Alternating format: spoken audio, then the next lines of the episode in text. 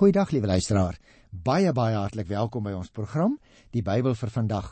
Ek het verlede keer begin met die boek 1 Korintiërs en toe het ons 'n bietjie gesels oor die inleiding uh en ook oor sy groet en sy danksegging gepraat. Vandag gaan ek voort by 1 Korintiërs, die eerste hoofstuk en ek gaan behandel vers 10 tot by hoofstuk 2 vers 5.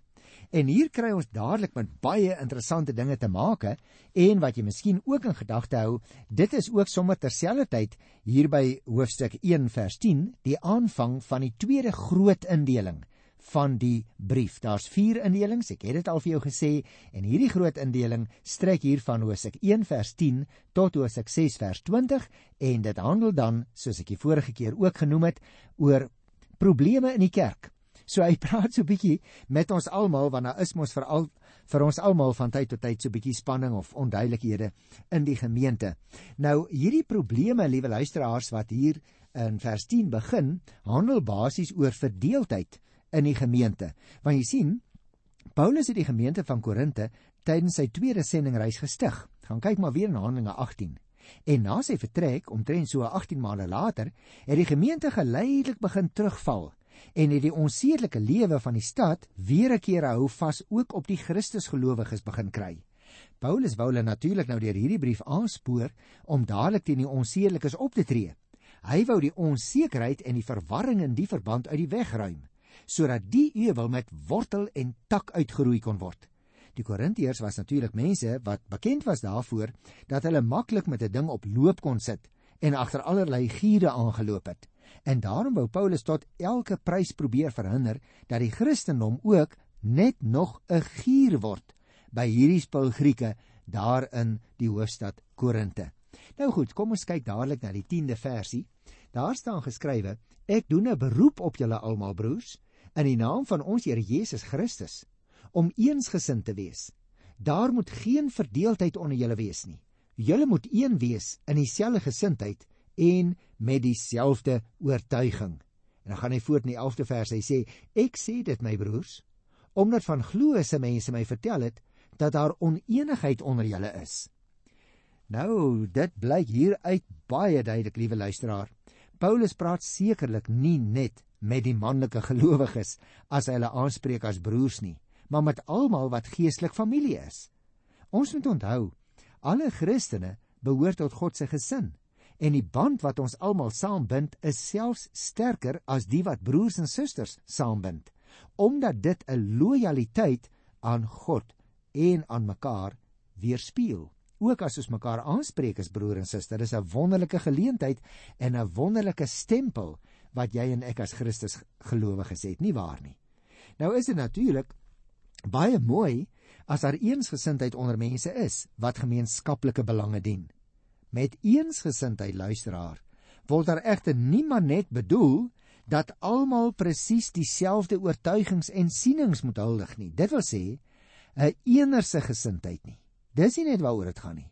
Daar's 'n verskil tussen verantwoordelike meningsverskil en oneenigheid.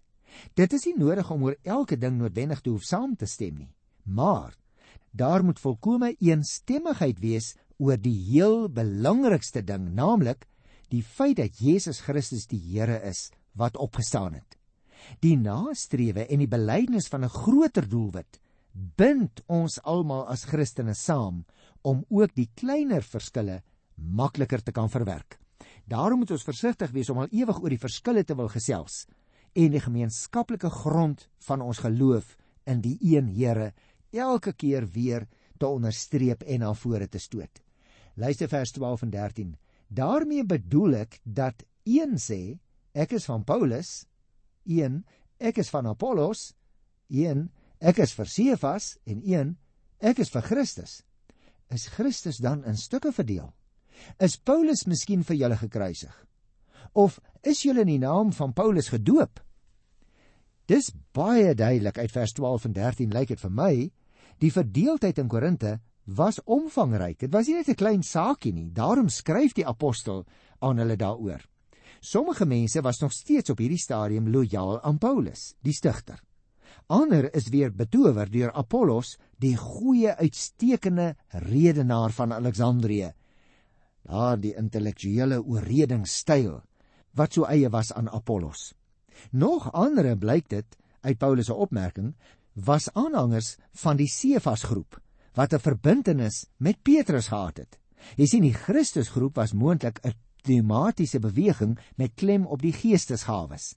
En so sien hierdie mense hulle elkeen in 'n eie groep wat of deur die gawes gestempel word of deur 'n spesifieke persoonlikheid van een van die geestelike werkers wat al daaronder hulle was.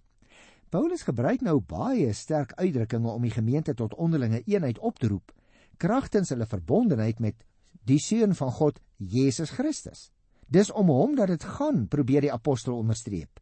Paulus, moet jy onthou, was van die oneenigheid of partyskappe bewus en hy het waarskynlik daarvan te hore gekom deur middel van die persone van die huishouding van Kloe. Die verdeeldheid waarvan hy praat, soos hy dit ook noem, het ontstaan toe sekere lidmate aanhangers of volgelinge geword het van die verskillende predikers wat in die gemeente opgetree het, soos Paulus wat byvoorbeeld die stigter van die gemeente was of Apollos wat 'n baie ontwikkelde filosoof uit Egipte uh, was en sy prediking meer beredeneerd ingekleed as sommige van die ander. Party het nou weer vir Petrus of soos hy hier genoem word Cephas aangehang van wie hy hoë aansien in die apostelkring ten spyte van die feit dat hy nie in Korinte self opgetree het nie. Een groep het hulle dus bo al die ander verhef as Christus se groep. Want het hulle gedink dan is hulle die leier van die Christene. Die partyvorming het nie op verskil in leer berus nie. Dit moet ons dadelik raak sien. Dit het in sondige hoogmoed gewortel wat rondom persone of sieninge gedraai het. En liewe luisteraar, daarvoor moet ons altyd versigtig wees, veral in gemeentes waar daar meer as een leraar of pastoor is. Jy sien die Korintiërs het Christus deur hulle argumente en hardlowery, so sê hy, in stukke verdeel. Dit is natuurlik wat gebeur as die gemeente wat die liggaam van Christus is verdeel is. Omdat Christus een is, liewe luisteraar, moet sy onderdane ook een wees. Natuurlik ongelukkig is daar vandag soveel verskillende kerkverbande dat 'n mens maklik in dieselfde slaggat as hulle kan val. Mense is maar te geneig om te beweer dat die een leraar of leier beter is as die ander een. En daardeur word gelowiges net nog verder verdeel. Elke geestelike leier staan in laaste opsig net in diens van die een hoof en leier, naamlik Jesus Christus. En daarom haas ek nou my vers 14 tot by vers 17. Hy sê: Ek dank God dat ek niemand van julle gedoop het nie, behalwe Crispus en Gaius Niemand kan sê dat jy in my naam gedoop is nie. Nee. Ek het ook nog die huisgesin van Stefanus gedoop, maar verder weet ek nie of ek nog iemand gedoop het nie. Christus het my immers gestuur nie om te doop nie, maar om die evangelie te verkondig. En dit nie met woorde van menslike wysheid nie, want dan sou die kruis van Christus sy krag verloor. Nou dis sterk woorde wat hy hier gebruik, liewe luisteraar. Veral jy en ek wat soms ook in hierdie slag getrap om oor die doop met mekaar te beklei. Paulus sê dis heeltemal onnodig. Sy opmerking dat hy nie gestuur is om te doop nie, moenie beskou word as 'n miskenning van die belangrikheid van die doop nie natuurlik nie. Jesus het immer self opdrag gegee dat gelowiges gedoop moet word. Gaan kyk maar Matteus 28:19. En die vroeë kerk het die opdrag getrou uitgevoer. Nee. Paulus wou juis daardeur beklemtoon dat hy 'n gestuurde prediker is dat mense saam met hom die doop behartig het. Hy het dit nie alleen toegepas nie. God het hom vir die prediking in die eerste plek toegerus en daarom het hy dit ook gedoen. Die evangelieverkondiging berus per slot van sake op spanwerk waar die lede van die liggaam van Christus elkeen volgens eie gawe 'n spesifieke deel doen. Daarom gelukkig sien ons dit in ons tyd raak, liewe luisteraar, een dominee of een pastoor in 'n groot gemeente kan nooit al die werk doen nie. Daarom is daar ruimte vir almal. Wanneer mens wel in 'n kleiner gemeente is, dan kom die lot of die las gewoonlik op een persoon af. Paulus gee nie hiermee te kenne en ek wil dit herhaalde kere onderstreep dat die doop gering geskat kan word nie. Maar wat hy beklemtoon in hierdie verband is met sy eie opset en sy eie roeping ten opsig van 'n spesifieke taak, naamlik spesifiek sendingprediking want die Here het hom gestuur onder die heidene terwyl die onderrig en die doop self meesal aan aan helpers oorgelaat is. Hy het hom ook nie om indruk te maak in sy prediking bedien van wat hy noem menslike wysheid en die redeneerkuns wat so hoog deur die Grieke aangeslaan is nie. En dit moet ons tog baie duidelik raak sien, liewe luisteraar. Hy leer ons moenie na jouself kyk nie, moenie jouself vooropstoot nie. Dan kom 'n mens by 'n volgende afdelingkie. Die opskrif in die Afrikaanse teks is Christus die krag en die wysheid van God. Nou oorsigtelik wil ek eers daar 'n paar opmerkings oor maak want dit is belangrik. Jy sien dit lyk eintlik so onlogies, dit lyk eintlik dwaas, liewe luisteraar, om te glo dat Jesus Christus gesterf en opgestaan het en daardeur vir ons die ewige lewe verdien het. Veral vir mense soos die Grieke met hulle groot filosofie en hulle denke. Hulle sou hierdie leerstelling dat Christus namens ons gesterf het en opgestaan het, sou hulle maklik kon afmaak as gekkerny en dwaasheid. Dwaasheid, moet ons onthou, luisteraar lê egter juis daarin om die offer van Jesus Christus te verwerp. Jy sien die krag van God lê in die dwaase in aanhalingstekens erkenning van gelowiges dat hulle in Jesus Christus glo. So in die oë van die Grieke was dit 'n dwaasheid om in 'n man wat gesterf het en van wie ons glo opgestaan het te glo. Hulle wou dit alles uitredeneer en dit kan tog nie. Luister byvoorbeeld na die 18de vers hoe begin hy. Die boodskap van die kruis van Christus is wel onsin vir die wat verlore gaan, maar vir ons wat gered word, is dit die krag van God. Jy sien die Korintiërs was geneig om aan menslike wysheid voorkeur te gee. Daarom is die kruisevangelie vir die wat besig is om verlore te gaan onsin. Van wie hulle ingebeelde eie geregtigheid het hulle die kruis nie nodig geag nie. Tog is die kruisevangelie vir die wat gered word, sê Paulus, die krag van God. Nou kom ek lees vers 19 tot 24 as 'n een eenheid en dan gesels ons 'n bietjie daaroor. Hy sê daar staan tog geskrywe: Die wysheid van die wyse sal ek vernietig en die geleerdheid van die geleerdes sal ek tot niet maak. Nou dit is natuurlik 'n aanhaling uit Jesaja 29 vers 14. Nou gaan hy verder nou sê hy: Waar is die wysgeer van hierdie wêreld nou? Waar is die skrifgeleerde? Waar is die slim woordvoerder? Het God nie die wysheid van die wêreld tot onsin gemaak nie? Dit was die bedoeling van God in sy wysheid, dat die wêreld nie deur geleerdheid tot kennis van God sou kom nie. Daarom het God in sy goedheid besluit om deur die prediking wat vir die wêreld onsin is, die te red wat glo. Die Jode vra wondertekens en die Grieke soek wysheid, maar Ons verkondig Christus, let nou op, wat gekruisig is. Vir die Jode is dit 'n aanstoot, vir die ander is dit onsin, maar vir die wat deur God geroep is, Jode sowel as Grieke, is Christus die krag van God en die wysheid van God. Let op hoe hy redeneer. Paulus gee eintlik 'n opsomming van Jesaja 29 vers 14 om iets wat Jesus herhaaldelik gesê het toe hy nog op aarde was, te bevestig. Dit is naamlik dat God nie volgens die wêreldse manier te werk gaan nie. Hy gee die ewige lewe en dit is iets wat geen mens deur die toedoen van die wêreld kan bekom nie. Menslike wysheid voer die apostel aan en logika wat jy by mense vind, kan verlossing nie verdien nie. En daarom luisteraar, hy sê van vers 19 tot by vers 24 wat ek gelees het, God pas hom nie aan by menslike opvattinge nie. Dit moet ons nie dink nie. Soos Paulus met 'n aanhaling juis uit hierdie uh boek van Jesaja sê. Daarom sê hy, kan geen geleerde dit wat God in sy wysheid doen uitdink nie. In sy wysheid en goedheid maak God die verlossing nie afhanklik van geleerdheid nie, maar van die geloof in die kruis van Christus. Hy sê verder vir die Jode is die kruis egter 'n aanstoot soos hy dit noem. Aangesien die lang verwagte Messias na hulle mening tog nie aan 'n skandpaal sou kon sterf nie. nou ja, boonop die Grieke beskou dit as onsin sê hy, omdat daar tog nie lewe en verlossing van 'n skand dood kan kom nie. Maar die wat deur God geroep is, skryf hy, besef egter dat die kruis 'n krag van God is omdat die sonde wat die vyand van die mens is, daardeur oorwin is. Die kruis is ook die wysheid van God, sê Paulus, omdat God die ware aard van die mens se ellende ken en dit deur die kruis wegneem. Kom ek sê dit nog anders om liewe luisteraar. Die goeie nuus van Jesus Christus klink vandag nog vir baie mense dwaas, ook in ons tyd. Dinge soos mag en invloed en geld het die afgode van die samelewing geword.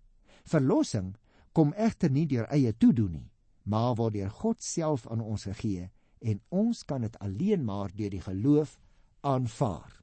Daarom lyk dit vir my kan ek sê samevattend verklaar die apostel dat dit dus vir hom duidelik is dat die sogenaamde onsin van God groter sin het as die geleerdheid of selfs as die wysheid van die mens en dat die sogenaamde swakheid van God waar die Here Jesus aan die kruis gehang het groter krag het as mensekrag.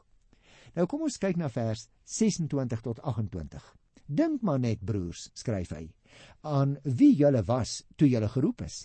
Volgens die opvatting van mense was daar nie baie geleerdes of baie invloedrykes of baie mense van aansien onder julle nie en tog wat vir die wêreld onsin is het God uitget kies om die geleerdes te beskaam.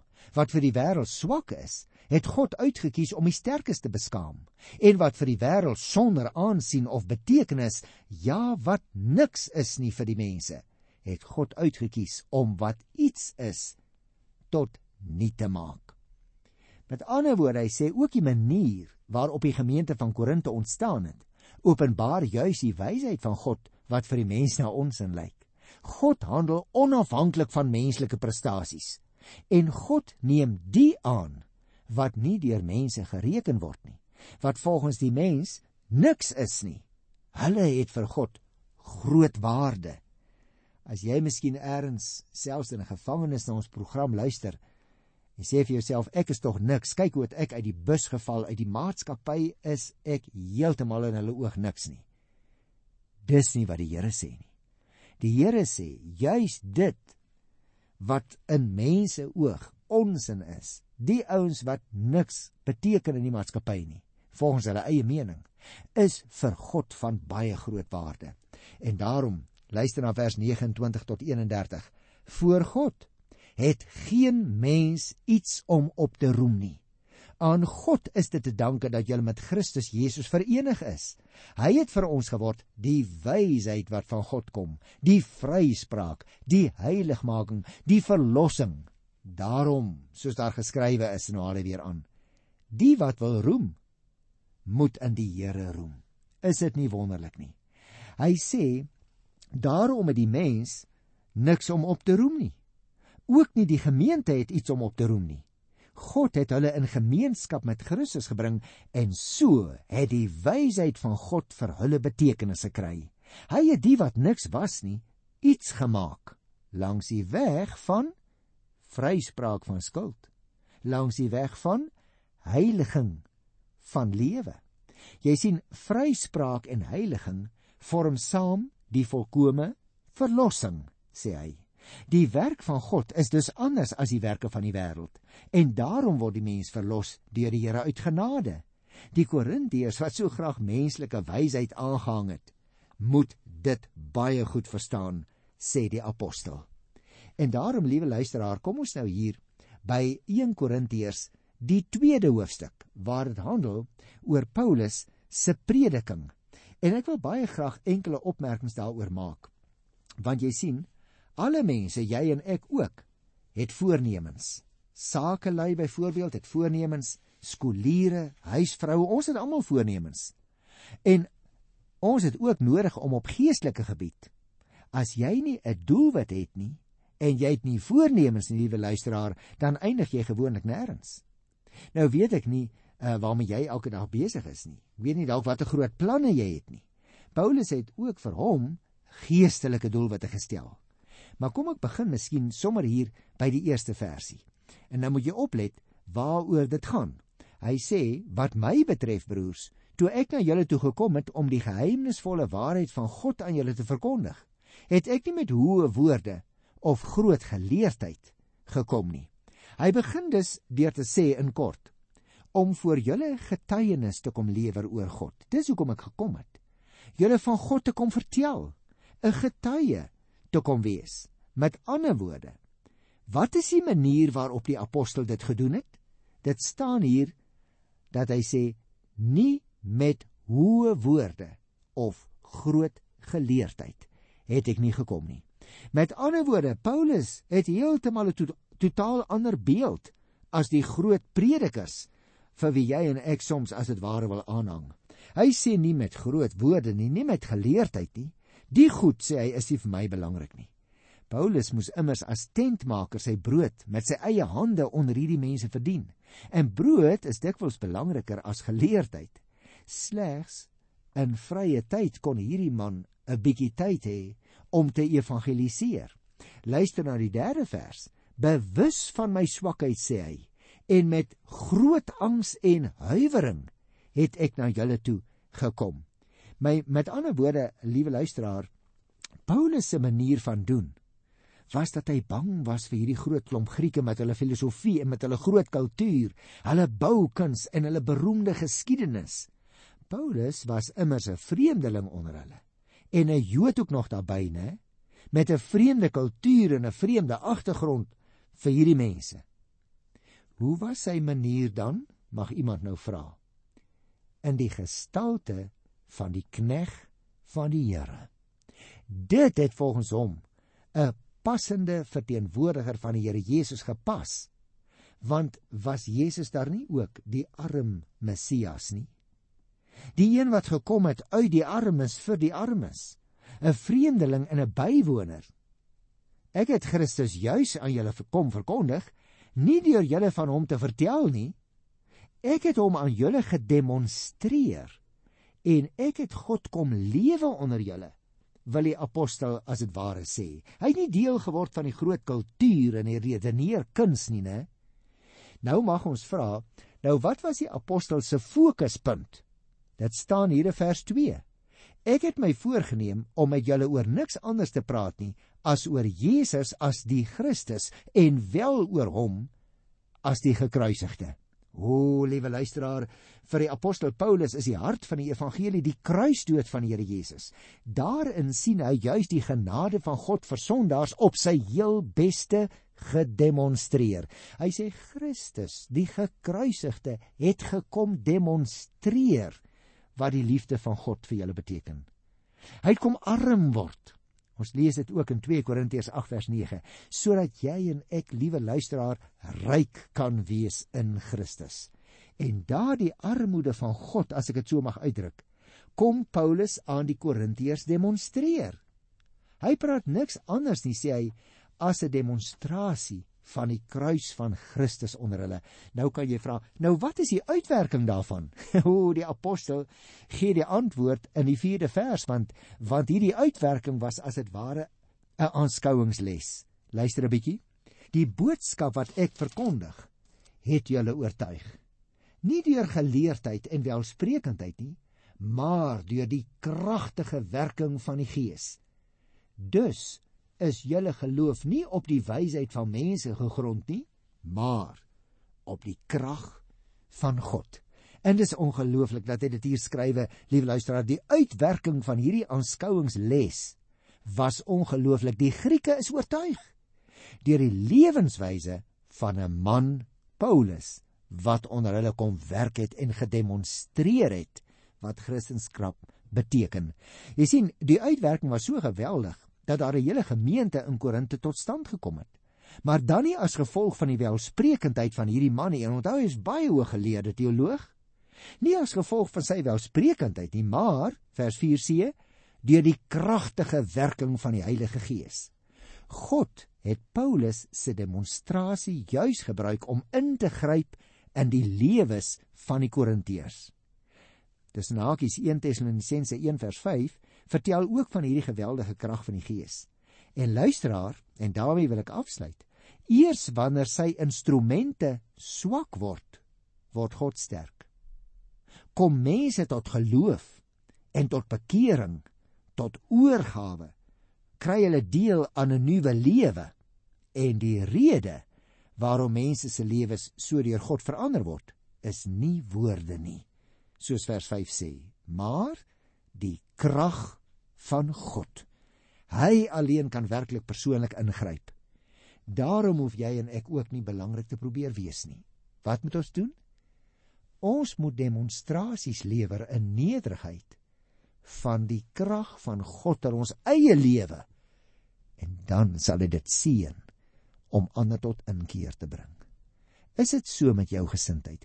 Hoe lyk jou demonstrasie elke dag, liewe luisteraar? Ek groet jou met hierdie vraag. Tot volgende keer. Totsiens.